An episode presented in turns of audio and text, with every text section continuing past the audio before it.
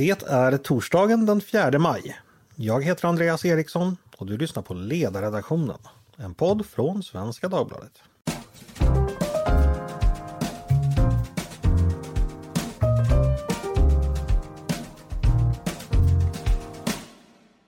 Hej och varmt välkomna! Hörni, vad hände egentligen med Sveriges reformförmåga? Det är en fråga som jag misstänker att ganska få av er har funderat på. Och några av er överväger kanske till och med att redan nu stänga av eftersom bara ordet reformförmåga kanske låter tråkigt. Men det är det absolut inte. Det är både intressant och viktigt. För så här är det. Eh, under ett antal år i slutet på 1900-talet genomförde vi i Sverige en lång rad olika, mycket omfattande politiska och ekonomiska reformer. Och Det är alltså förändringar som till stor del har byggt det land vi bor i idag. Ni känner säkert till många av dem.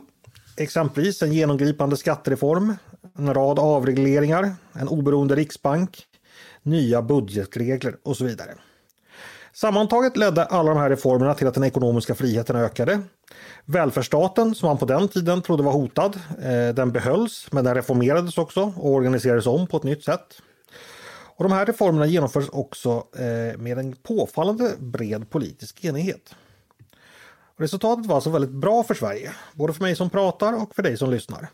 Ekonomin växte, välfärdsstaten som en del dömt ut under krisen på 1990-talet inte bara överlevde utan utvecklades och reallönerna steg efter att i många år stått stilla.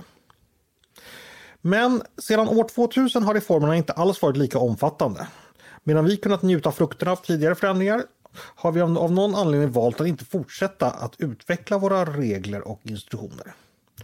Varför har det blivit så och vad kan det få för konsekvenser? Det tänkte jag vi skulle prata om idag och det ska vi göra utifrån en rapport som heter just som min inledande fråga. Vad hände med Sveriges reformförmåga? Och den är skriven av två forskare, nationalekonomen Andreas Berg och statsvetaren Gissur Erlingsson och utgiven av Entreprenörskapsforum. Och en av dessa författare har jag med mig idag, Andreas Berg. Hej på dig, välkommen hit! Tack så jättemycket och hej på dig! Eh, ja, du har varit med i podden tidigare. Jag misstänker att många lyssnare vet vem du är, men om du kort ska presentera dig själv? Ja, jag är välfärdsforskare, docent i nationalekonomi, verksam vid Lunds universitet och Institutet för näringslivsforskning. Och har väl pysslat med forskning kring välfärdsstaten och reformer av densamma ganska så länge nu sedan jag blev forskare och jag skrev även min avhandling faktiskt om den svenska välfärdsstaten. Mm. Just det. Eh, vi ska alldeles strax gå in på din rapport, men det är en sak jag bara ville kolla. Eh, för kanske sådär en 10-15 år sedan skrev du en eh, liten krönika i den tidning som jag höll på med då som heter Neo. Där du gick med i fyra partier samtidigt och sa att du skulle stanna kvar i den som slängde ut dig sist. Hur, hur gick det med det där egentligen? Det gick som så att Moderaterna ganska snabbt upptäckte vad som var i görningen och slängde ut mig. De andra behöll mig ett tag faktiskt. Ehm, sen tröttnade jag väl på vissa och slutade betala. Då får man fortfarande utskick en tid därefter kan jag meddela. Men just nu är jag faktiskt inte med i något. Nej, okej. Okay. Eh, och, det är väl på något sätt signifikativt. Jag var väl någon slags allmänborgerlig och detta var ju under allianstiden när jag tyckte att de hade gjort ett bra jobb med att tala sig samman och det var heller inte uppenbart för mig vilket borgerligt parti som jag för tillfället tyckte mest som. Medan nu så känner jag att det är nästan svårt att hitta ett parti som jag kan rösta på. Mm. Från att velat gått med i fyra partier alltså till att inte ens kunna rösta på ett. Det säger väl tyvärr någonting om den politiska utvecklingen i Sverige. Kanske, i alla fall för, för en del av oss. Eller så har jag blivit mer kräsen eller båda dera. Så kan det också vara. Eh, hörni, vi ska gå in på, på dagens ämne och då tänkte vi faktiskt börja historiskt som jag gillar att göra. Eh, den här reformerna som genomfördes under de två sista decennierna under 1900-talet ungefär. Eh, vad, hur, hur, började allt det? Hur, hur, kom det sig att man kom på att någonting i Sverige behövde förändras? Går, går det att hitta någon, någon startpunkt? Eller vad skulle du själv välja för, för startpunkt för, för, den, för det arbetet så att säga? Um, det finns ju olika startpunkter för olika typer av reformer. Sverige runt 1980 var ju ett ganska eh, säreget land med väldigt många regleringar för att vara en demokratisk marknadsekonomi. Men det spred sig också en allmän insikt om att väldigt många av de här regleringarna hade inte de effekter man ville ha eller kunde kringgås. Och det gjorde att, att även de som kanske från början hade varit med om att införa regleringarna ändrade sig eh, i, i ljuset av fakta. Man kunde kringgå valutaregleringen till exempel och det ställde egentligen bara till problem för, för små företag som inte visste eller hade resurser nog att kringgå den. Samma sak gällde de väldigt progressiva inkomstskatterna. De tillkom ju för att man ville omfördela från rika till fattiga. Men det kom allt mer forskning som visade att Eh, den som har tillräckligt mycket kunskap eller tillräckligt mycket pengar för att anlita skattejurister kunde manövrera sig runt den här höga progressiviteten i skattesystemet. Så den hade egentligen inte heller de effekter som, som jämlikhetsivrarna ville ha. Sen finns det andra saker som förändrades. Eh, det gamla pensionssystemet lovade ju folk en viss nivå på sin pension och sedan så hände det jäkliga att folk ändrade sitt beteende. Det föddes färre barn och människor levde längre och det gjorde att systemet blev väldigt, väldigt dyrt om det skulle leva upp till sina löften. Och detta upptäcktes egentligen i en utredning som från början bara var tänkt att hitta små justeringar i det gamla pensionssystemet men som fann att vi egentligen behövde ett helt nytt pensionssystem. Så att ganska många olika skeende triggade de kraftfulla reformprocesser som Sverige genomgick eh, mellan 1980 och, och millennieskiftet ungefär. Say hello to a new era of mental health care. Cerebral is here to help you achieve your mental wellness goals with professional therapy and medication management support. 100% online. You'll experience the all new Cerebral Way, an innovative approach to mental wellness designed around you. You'll get a personalized treatment plan from a therapist, prescriber, or both in a safe and judgment free space. Your cerebral therapist or prescriber will outline a customized plan with clear milestones along the way so you can get to feeling your best. With Cerebral, you're not alone in your mental health journey. We're here to empower you to live a fulfilling life. So take that first step towards a brighter future and sign up today at cerebral.com slash podcast and use code ACasts to get 15% off your first month. Offer only valid on monthly plans. Other exclusions may apply. Offer ends July 31st, 2024. See site for details. Vi ska då bara påminna lyssnarna om att det gick ju väldigt bra för Sverige då efter andra världskriget och vi hade det som kallas rekordåren och eh, ekonomin växte och lönerna steg. Och det här varade väl ungefär fram till början på 1970-talet. Men sen hände någonting i Sverige som gjorde att Sverige fick problem. Eh, vad, vi, ja, du har varit inne på det lite, men vilka övriga problem stod Sverige inför när vi pratar ungefär då sent 70-tal någon gång? Eh. Alltså det som hände på 70-talet var ju eh, lite grann som idag, nämligen att energi och oljepris steg, att det plötsligt blev dyrt. Vi fick inflation. Eh, och det drabbade ju hela västvärlden men i Sverige drabbades vi extra hårt kan man säga. Och det innebär också att den svenska självbilden fick förändras. För precis som du beskrev så hade det gått väldigt bra för Sverige fram tills dess. Och vi var vana vid att vara ett av de rikaste och mest jämlika länderna i hela världen. Och den här förändringen hjälpte nog till att eh, skapa ett krismedvetande skulle jag tro. Den svenska industrin gick inte längre som tåget. Vi fick problem med ungdomsarbetslöshet och så småningom en dual arbetsmarknad där vissa satt väldigt tryggt men andra hankade sig runt på timanställningar och vikariat. Eh, vi fick också Eh, konkurrensproblem som löstes med devalveringar, det vill säga nedskrivningar av värdet på den svenska kronan så att svenska exportföretag kunde fortsätta att sälja sina varor utomlands. Men alla som använde och fick lön i svenska kronor betalade egentligen det där genom att vi, vi blev fattigare och det märktes så fort man åkte utomlands på semester men såklart märktes det också så fort man skulle importera varor. Och det kulminerade då eh, under 90-talskrisen när man inte längre kunde försvara den fasta växelkurs som man hade bestämt sig för att den här ska vi åtminstone hålla eh, inför ett eh, potentiellt euromedlemskap. Då. Men även det fallerade. Så att där, där, det var väldigt många saker som plötsligt gick fel samtidigt och, och gjorde att Sverige faktiskt halkade efter andra länder systematiskt under en 20-25 års period.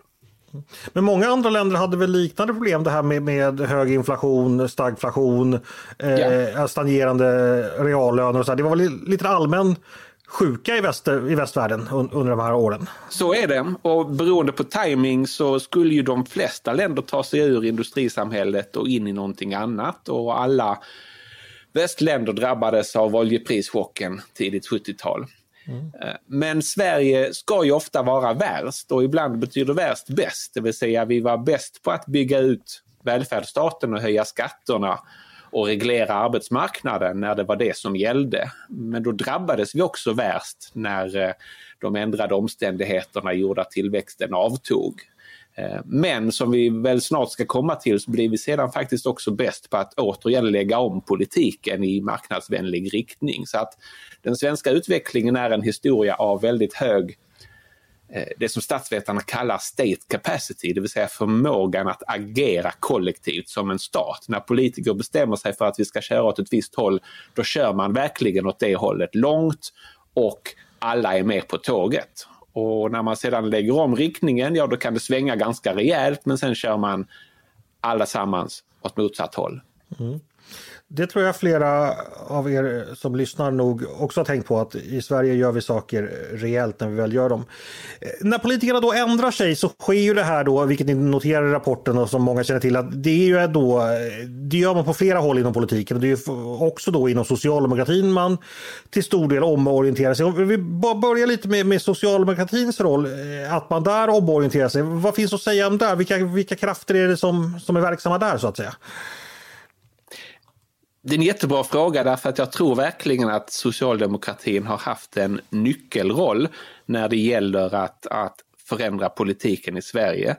Dels så finns där ett gäng som vi brukar kalla kanslihushögern, tjänstemän på finansdepartementet som är väldigt ekonomiskt kunniga och har ganska så hög trovärdighet i de kretsar som bestämmer inom socialdemokratin.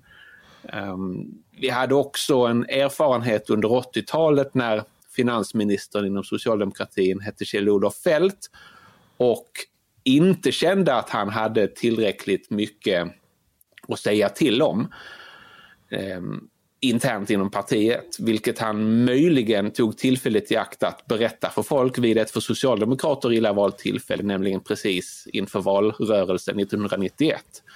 Och då ger han då ut en bok som heter Alla dessa dagar i politiken där han beskriver vad han tyckte borde gjorts under 80-talet för att undvika den överhettning och sedan krasch som Sverige var med om. Eh, och det där hjälpte nog till att skapa en insikt inom Socialdemokraterna om att det faktiskt finns skäl att lyssna på nationalekonomer och finansministrar.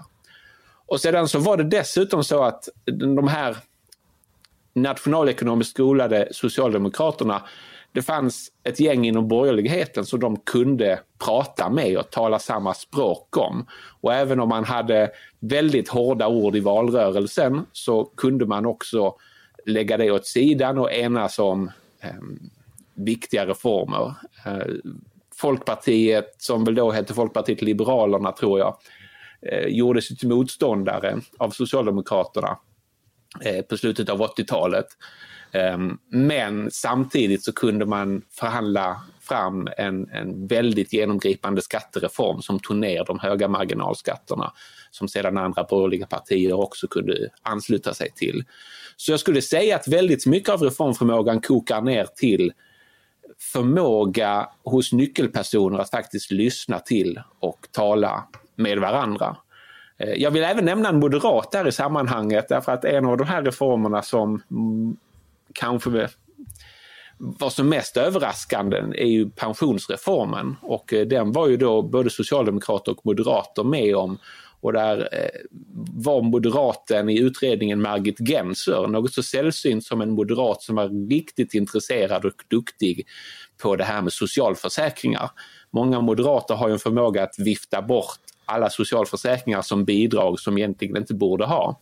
Men ska man lyckas åstadkomma reformer måste man sätta sig in i hur de där systemen funkar och resonera kring detaljer med folkpartister och socialdemokrater. Och, och det gjorde hon och eh, tog hjälp av Bo Könberg från Folkpartiet och eh, flera duktiga socialdemokrater också så fick vi till stånd eh, det nya pensionssystemet.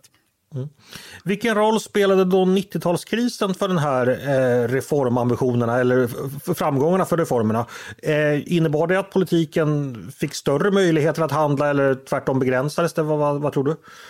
Det finns ju talesätt som, som går ut på att man aldrig ska lösa bort en kris och använda krismedvetandet för att genomdriva reformer. Och det ligger nog något i det, eh, inte minst de som minns kronförsvaret eh, kan ju därmed illustrera hur viktigt det var att man hade bestämt sig för att försvara den svenska kronkursen och hur detta ledde till att faktiskt både de borgerliga partierna och Socialdemokraterna gick samman för att rensa upp underskotten i statens budget i hopp om att kunna försvara kronan. Men, brukar jag lägga till, väldigt mycket hade påbörjats långt innan 90-talskrisen. Man hade utrett och förberett och initierat reformprocesser eh, redan på 80-talet och i flera fall faktiskt hunnit genomföra dem också. Taxiavreglering till exempel, den hann Socialdemokraterna med på egen hand. Den var färdig 1990. Och väldigt mycket annat som regeringen Bildt som vidtog 1991 kunde rivstarta med. Ja, det kunde man rivstarta med tack vare att det hade utretts av Socialdemokraterna när det gällde arbetsmarknadsavregleringar och privatiseringar och en hel del annat. Så det fanns förutom 90-talskrisen fanns det en framsynthet som gjorde att man låg väl till med reformarbetet. Så det är inte bara det här att krisen tvingade fram reformer, det fanns något annat också. Mm. Eh, numera är det ganska populärt att prata om evidensbaserad politik. Eh, de reformer som togs fram under den här perioden, var de evidensbaserade? Utgick de från eh, att forskningen hade kommit fram med, med, en, med en teori och så hade det testats på sina håll och man visste att det här skulle nog fungera även i Sverige? Går, går det att prata i sådana termer tror du? Ja, men med ett viktigt tillägg. Numera tycks evidensbaserat nästan bara syfta på empirisk evidens, det vill säga där man har utvärderat en reform och helst också haft någon form av kontrollgrupp så att man kan jämföra och se hur det hade gått om reformen inte hade genomförts. Eh, då betydde evidensbaserad politik mycket, mycket mer och väldigt många, inte minst ekonomer, gjorde policyrekommendationer på basis av teoretiska uppfattningar om hur ekonomin fungerade. Vi hade ju aldrig testat att gå från väldigt progressiva skatter till eh, hälften kvar-principen som skattereformen innebar. Men väldigt många ekonomer trodde sig ändå veta att det här är en bra idé därför att man ser hur ett progressivt skattesystem uppmuntrar till skatteplanering och gör att det lönar sig dåligt att arbeta till exempel. Så det fanns en koppling mellan samhällsvetenskap och nationalekonomi och politik som var evidensbaserad. Men ganska ofta med eh, vad folk idag skulle kalla sämre evidens eller bara teoretiska hypoteser. Men det hindrade inte dåtidens nationalekonomer från att ge policyrekommendationer och lägga sig i. Mm. Vi ska återkomma snart till samhällsvetenskapens roll. Jag tänkte bara gå över till, till det faktiska ämnet då för, för den här rapporten där ni tittar då på reformtakten mellan 2000 och 2020. Och som jag redan antytt eh, så minskar den eh, då.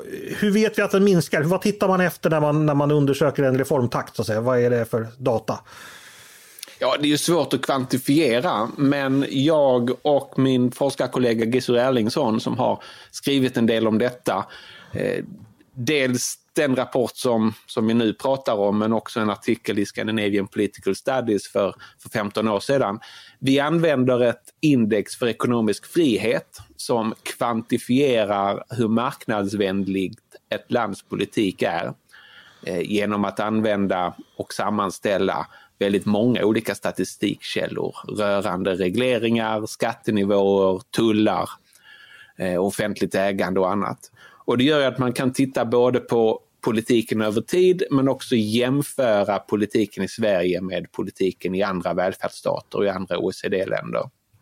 Och det vi såg då i vår artikel som vi skrev för, för 20 år sedan och som publicerades som det var 2008 eller någonting sådant.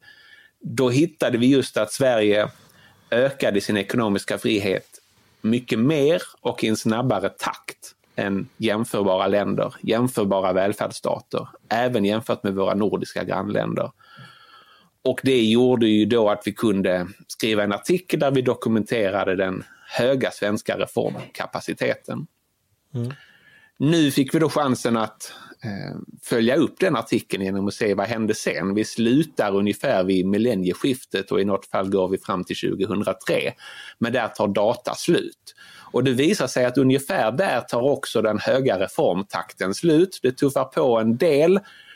Vi får jobbskatteavdragen under alliansen och det sänker skattekvoten en del. Men någonstans runt 2010-2015 så börjar den ekonomiska friheten i Sverige faktiskt falla. Och det gör den både i absolut nivå men också om man jämför med andra länder. Och då menar vi att vi kan säga att eh, den här enastående reformförmågan som Sverige har haft under hela 1900-talet, den, den har tagit slut nu. Det, mm. det, går, eh, det går inte längre snabbare och mer effektivt att reformera ekonomin i Sverige. Eh, tvärtom så verkar Sverige numera åter vara inne på att, att reglera och att eh, inte klara av att genomföra de här svåra reformerna. En given metodinvändning där, eller invändning eh, som ni säkert har tänkt på, det är ju då att man kan ju tänka sig att efter en lång tid av reformer så är nya reformer inte längre behövs eller kanske inte heller önskvärda för att ökad ekonomisk frihet kan leda till negativa andra effekter som man av politiska skäl inte vill ha. Vad, vad, vad, vad tänker du om det? Det är en jätterimlig invändning och det fanns nog, ska man vara ärlig, inslag av att de områden som reformerades, där plockade svenska politiker den lägst hängande frukten. Och det man inte gjorde så mycket åt, det var svårare eller mer politiskt kontroversiellt. Till exempel så utelämnar man nästan helt och hållet bostadsmarknad och arbetsmarknad. Och när jag har skrivit om det här tidigare så har jag sagt att nu är det upp till bevis om man klarar av att göra något på de här områdena också. 2010-talet verkar vara ett bra tillfälle då man skulle kunna ta sig samman och, och, och få till stånd blocköverskridande överenskommelser även på de områdena. Det gjorde man inte. Eh, men det är också så att man har eh, sjabblat till de reformer man tidigare gjorde och var bra på. Pensionssystemet är inte längre sig likt. Skattesystemet är heller inte längre sig likt utan man har så att säga rullat tillbaks de reformer som man tidigare faktiskt klarade av. Eh, ser man sedan lite mer detaljerat på vad det är för typ av ekonomisk frihet som går ner, ja då ser vi att det är upplevd ökad regelbörda för företagen eh, och det är förtroendet för att polisen klarar av att upprätthålla lag och ordning. Och oavsett var man står ideologiskt, åtminstone det senare, tror jag att alla faktiskt uppfattar som ett problem. Och jag skulle vilja hävda att det första, i varje fall när det gäller läpparnas bekännelse så menar nog alla politiska partier att det svenska företagsklimatet ska vara gott. Ehm, det som var bra tidigare var att man kanske var överens om att, att svenska företag ska betala relativt höga skatter men den offentliga förvaltningen ska vara effektiv, det ska vara lätt att få besked, det ska vara eh, låg korruption och det ska vara ett, ett gott företag som kanske till och med i viss utsträckning kompenserar för att skatterna är ganska höga och arbetskraften är dyr. Eh, men nu går även regelbördan åt fel håll. Eh, förmodligen är det väldigt mycket EU-lagstiftning som eh, ska implementeras och uppfattas som, som krånglig, som, som ställer till det för svenska företag i detta nu. Okej, så vi då eh, kan konstatera uh, hyggligt väl då en minskad eh, reformförmåga i Sverige. Och då är det då förstås orsaken och det är den frågan ni ställer i rubriken till rapporten. Vad beror det här då på? Ja, det, det, är en lätt fråga att ställa men en svår att besvara. Um, om jag får ta det mest uppenbara så är det väl så att blockpolitiken på det sätt som vi hade på 80 och 90-talet har vi inte längre. Eh, på gott och ont kan tyckas, men en egenhet då var ju att om Socialdemokraterna och något borgerligt parti egentligen enades om att göra någonting åt till exempel skattesystemet, ja då blev det så. Och då insåg andra borgerliga partier att ska vi ha något att säga till om så är det bättre att hoppa på det här tåget och vara med om förhandlingarna. Numera Eh, är det svårt att få ihop en regering överhuvudtaget som, som har eh, majoritetsstöd i riksdagen och eh, det betyder att um, det är inte ens uppenbart vilka partier som ska förhandla med varandra och driva reformarbetet. Och um, det är väl lätt att, att säga att den största förändringen av den här situationen kom när Sverigedemokraterna valdes in i riksdagen 2010. Då hade vi ju haft en majoritetsregering och Alliansens andra mandatperiod försökte nog initialt tuffa på som om det vore en majoritetsregering men det blev ju med tiden tydligt att så inte var fallet och efter 2014 så har det ju varit ganska svårt att bilda regeringar i Sverige. Och eh, det beror ju på att, att Sverigedemokraternas inträde i riksdagen helt har ändrat villkoren och man har inte riktigt bestämt sig för hur man ska hantera de här 20 procenten som, som, som numera finns representerade. Mm.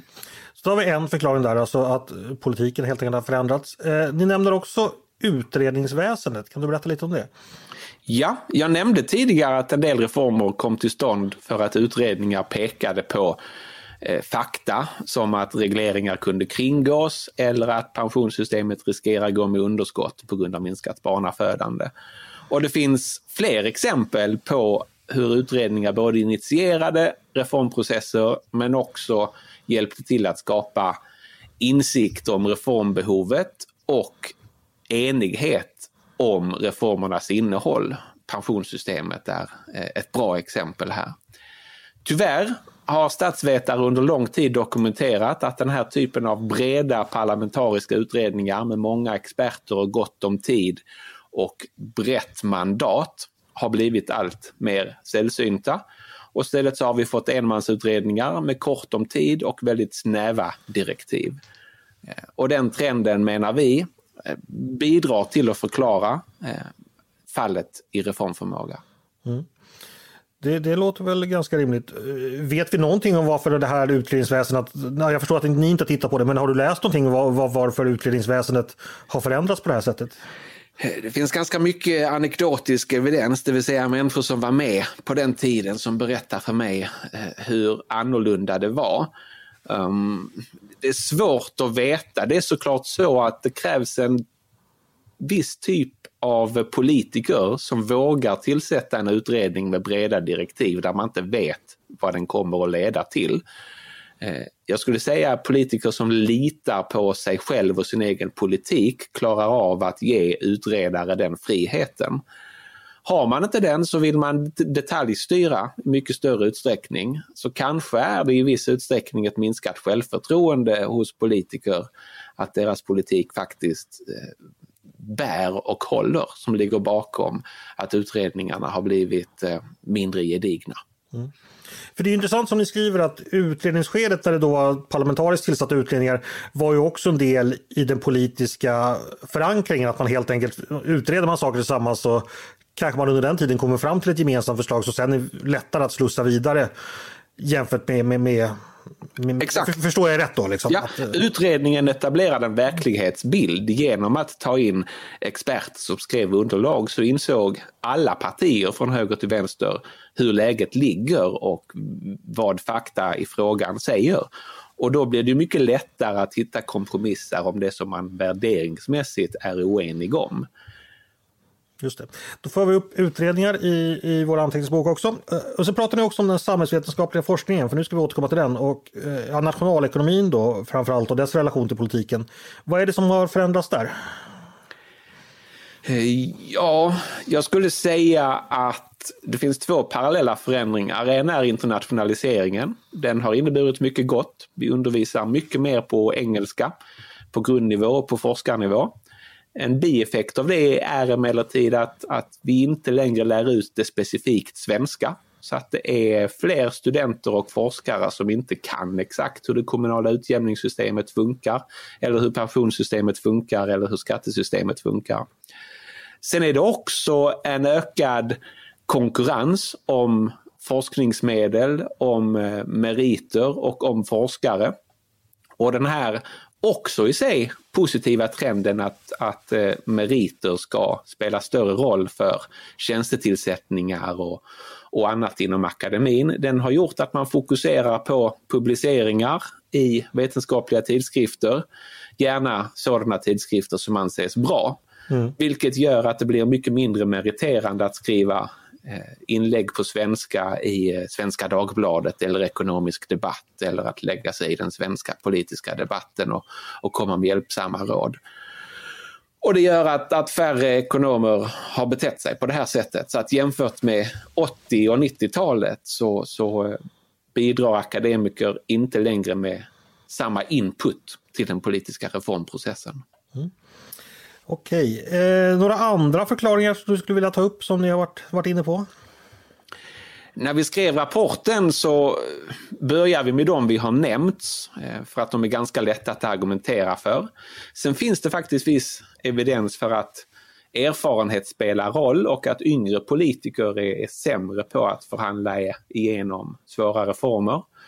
Och då räknade vi ut att snittåldern i faktiskt både regering och riksdag, den är på väg neråt de väldigt reformtunga eh, åren eh, runt eh, tidigt 90-tal och sent 80-tal, då var det också ganska mycket äldre erfarna politiker som eh, hade fingrarna i reformsyltburken om man säger så. Mm. Och nu har vi haft den yngsta regeringen och riksdagen eh, på, på 30 år, de senaste två mandatperioderna. Och en annan faktor som jag tror bidrar är, är, sociala medier. Väldigt många av de här reformgrupperna, utredningarna, de fick jobba ostört utan att det läckte och utan att det skulle rapporteras eh, dagligen om vad som hände och vem som hade sagt vad. Och gör man en sån här kontrafaktisk historieskrivning så tycker jag det är suggestivt att fråga sig om pensionsreformen överhuvudtaget hade varit möjlig. Den byggde på ett väldigt högt förtroende mellan de politiker som jobbade i pensionsarbetsgruppen. Eh, hade det ens varit möjligt om folk satt och twittrade om vem som sa det vad under mötet och, och läckor och, och symboliska utspel? Jag är inte säker. Så att politiken bedrivs nu mycket mer i offentlighetens ljus och under en, en ständig granskning där man hela tiden måste vara beredd att försvara vad man har sagt och vad man har gjort. Mm. Så hör ni ungdomar, lär av Kjell-Olof Feldt och kanslihushögern, sluta twittra. Hörni, eh, jag tänkte vi ska börja eh, sy ihop det här lite. Eh, nu har vi fått en hel del, del svar på frågor här. Men, men, eh, om vi tittar nu på nu samtiden. Nu kanske jag inte frågar dig som... Eh, ja, du får, du får bli lite prognoser och spaningar här. Men, men om vi tittar på den samtiden och de samhällsförändringar vi gått igenom sedan år 2000 som skulle behöva politiska reformer och vad vi då ser eventuellt väntar runt hörnet. Vad skulle du säga var bör politiken gripa in och vilka, vilka samhällsförändringar är det man bör försöka tackla? Som inte har gjorts nu så att säga. Ja, jag säger egentligen samma sak som jag sa för 20 år sedan när jag först började skriva om det här. Det är hög tid att göra någonting åt den svenska arbetsmarknaden.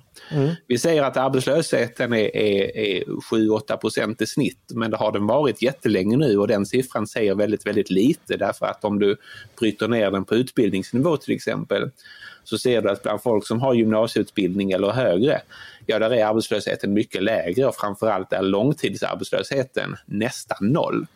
Så vi är nästan på full sysselsättning för folk som har en bra eh, utbildning.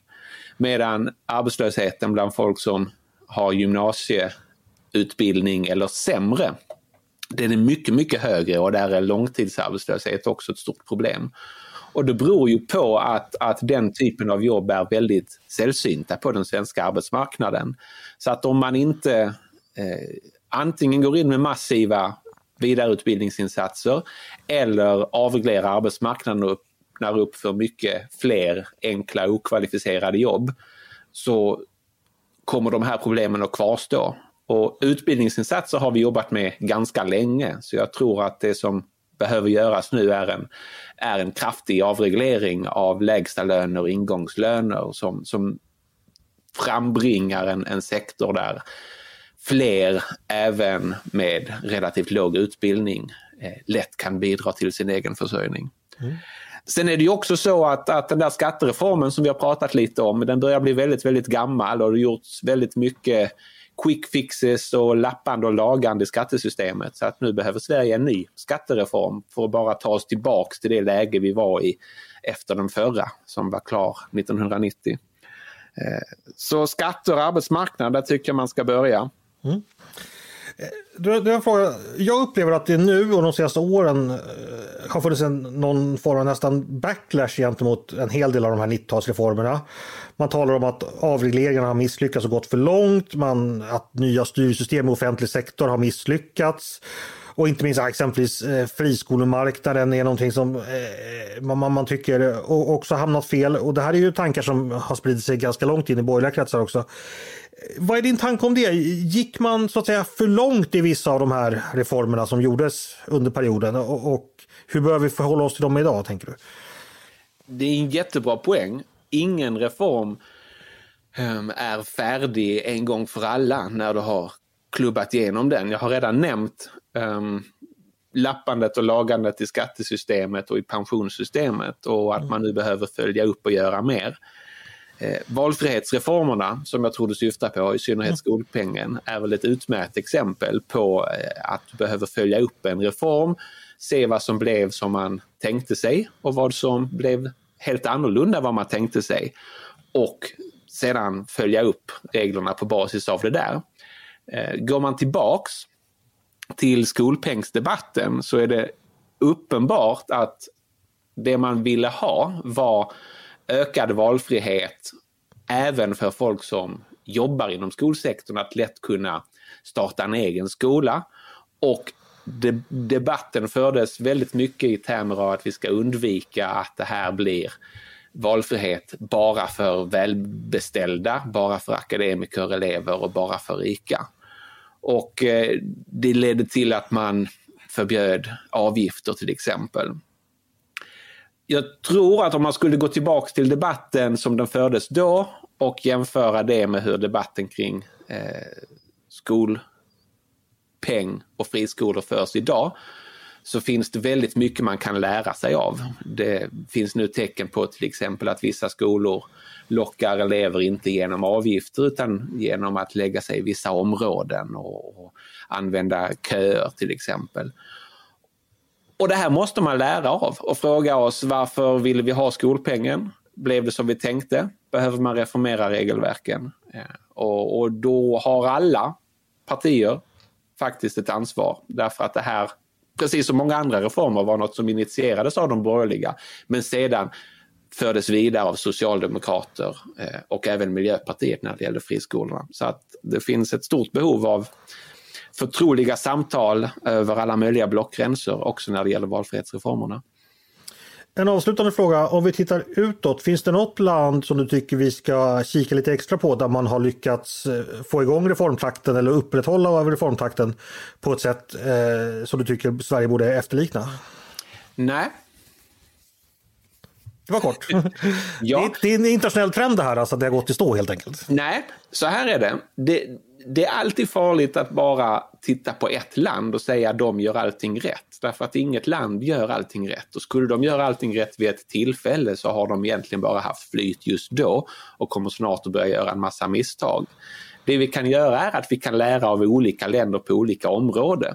När det gäller arbetsmarknad kan Sverige lära av Danmark, Tyskland och i viss utsträckning USA. Eh, men när det gäller pensionssystem så skulle jag säga att, att, eh, andra länder borde lära oss av Sverige, i varje fall Sverige förr. Så att eh, alla mer om att hitta bra erfarenheter hos olika länder som Sverige kan lära av och plocka ihop lärdomar som sedan anpassas till vad just Sverige behöver just nu. Hur optimistisk är du på att Sverige kommer kunna återfå sin reformförmåga? Inte superoptimistisk om jag ska vara helt ärlig. Vad beror det på? Dels så har vi väldigt länge kunnat surfa på de reformer som vi genomförde under 1900-talets slut. Och eh, en hel del av det positiva där har vi fortfarande kvar. Vi har starka offentliga finanser, vi har hög offentlig skuldsättning och vi har numera en flytande krona.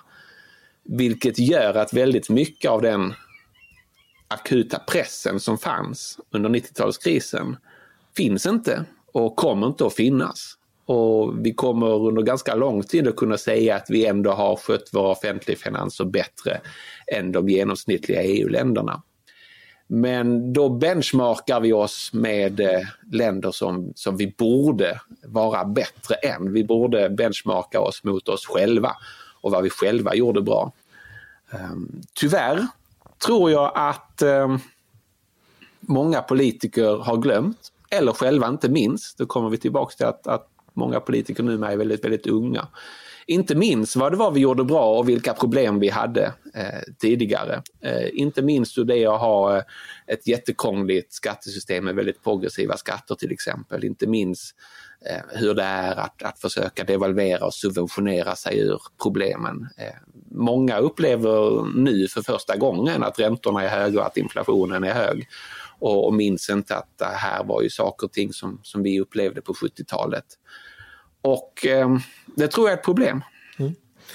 Då får vi hoppas att åtminstone någon eller en del politiker har lyssnat på vårt samtal så har de fått lära sig lite vad de, vad de ska minnas och hur de ska göra. Stort tack Andreas Berg för att du kom och gästade podden idag. Tack så mycket. Och stort tack också till er som har lyssnat på dagens avsnitt av Ledarredaktionen. En podd från Svenska Dagbladet. Jag ska säga att om ni vill läsa Andreas och Gissus rapport så finns den online. Eh, jag tror att det räcker med att ni googlar vad hände med Sveriges reformförmåga så dyker det upp en pdf som ni kan läsa och det rekommenderar jag varmt. Eh, ni är också varmt välkomna att höra av er till oss på redaktionen med tankar och synpunkter på det vi precis diskuterat eller om ni har förslag på vad vi ska ta upp i framtiden. Bara att mejla då till ledarsidan snabla svd.se. Dags att för, som vanligt tacka för idag och säga att dagens producent, han heter som vanligt Jesper Sandström. Själv heter jag som vanligt Andreas Eriksson och jag hoppas som vanligt att vi hörs snart igen.